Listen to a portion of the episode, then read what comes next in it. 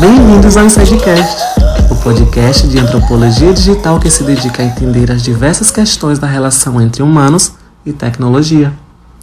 No nosso episódio piloto, nos debruçaremos sobre o tema As reconfigurações da cibercultura. Antes de qualquer coisa, vale definir que ciberculturas são as transformações que ocorrem na sociedade e na cultura e têm origem no ciberespaço.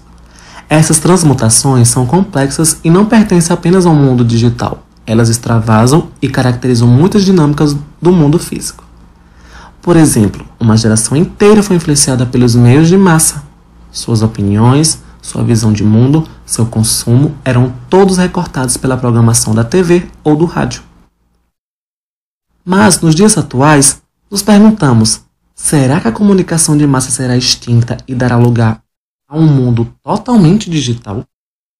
Para falar desse cenário, basta parar para observar um termo que é muito comum por aí: transformação digital. Não é difícil ouvir alguém falando do mundo digital quase como um cenário apocalíptico, no qual a tecnologia possui um papel ativo e comanda as relações sociais. Mas tecnologias são ferramentas, elas não impõem nosso destino, são apenas possibilitadoras ao nos fornecer condições. Então, qual é a força matriz dessa transformação digital que tanto se fala por aí e que já está acontecendo? O ser humano. Como toda e qualquer transformação social precisa do ser humano para acontecer, as transformações da cibercultura também precisam. Falar de reconfiguração no ciberespaço também é falar de gente, de história, é colocar uma lupa nos micromovimentos e entender como se deram os processos de uso das tecnologias ao longo do tempo. Antes de tudo, vale entender que esse processo não é linear.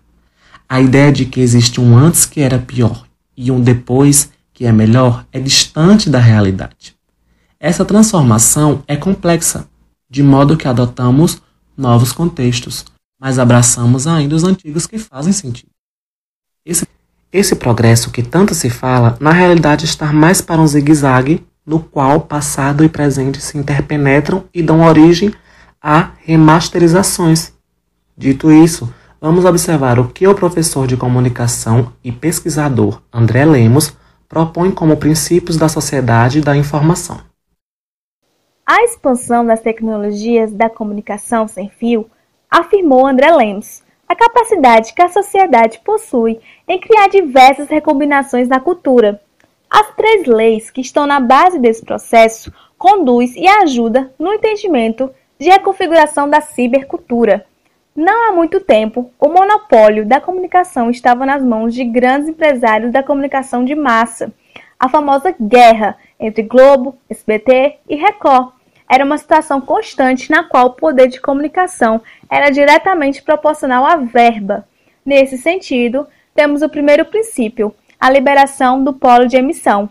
Primeiro, com a liberação do polo de emissão, a sociedade tem na palma da mão um facilitador de criação de conteúdo, pois qualquer pessoa consegue produzir e emitir conteúdos independentes, pois antigamente apenas pessoas com influência e poder aquisitivo tinham espaço nesse meio. Porém, com o passar dos anos, ocorrendo a reconfiguração, finalmente a liberação para a produção de conteúdo se tornou acessível para várias pessoas, abrangendo diferentes temas, como por exemplo, o YouTube, onde se concentra os maiores números de visualizações e produções independentes.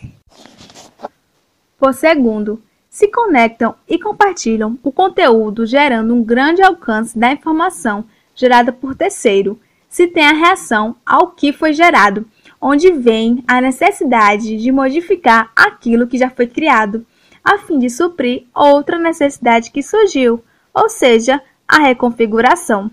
É essa adaptação que faz a cultura ser movimentada, ser um território recombinante, um lugar aberto para praticar e criar novos processos com um grande alcance, gerando uma interação à escala mundial, o que consequentemente nos leva à desterritorialização, onde temos acesso a diversas culturas e conteúdos de outros locais no mundo constantemente. Mas afinal, existe um limite para a desterritorialização? Se pararmos para pensar, não possui limites definidos. A pessoa pode estar em sua casa, mas experimentar a desterritorialização de diversas formas sem sair do sofá. Ao mesmo tempo que a conectividade possibilita esse meio, ela cria novos territórios ou novos espaços no qual assume um certo controle, como senhas e até mesmo o GPS. Um exemplo cultural e atual é o K-pop, um gênero musical originado na Coreia do Sul, onde sua variedade de elementos visuais e músicas marcantes se transformou em um fenômeno mundial onde pessoas de diversos países com culturas opostas os idolatram e fazem com que esse gênero musical ganhe cada dia mais notoriedade entre jovens e adultos de todo o mundo. Com isso, podemos perceber que a deterritorialização é algo cultural, econômico e político. Recapitulando o conceito de reconfiguração, trazemos como exemplo o jornal Mídia Ninja, que trouxe a idealização do jornal impresso, mas foi reconfigurado para a forma digital pela plataforma do Instagram.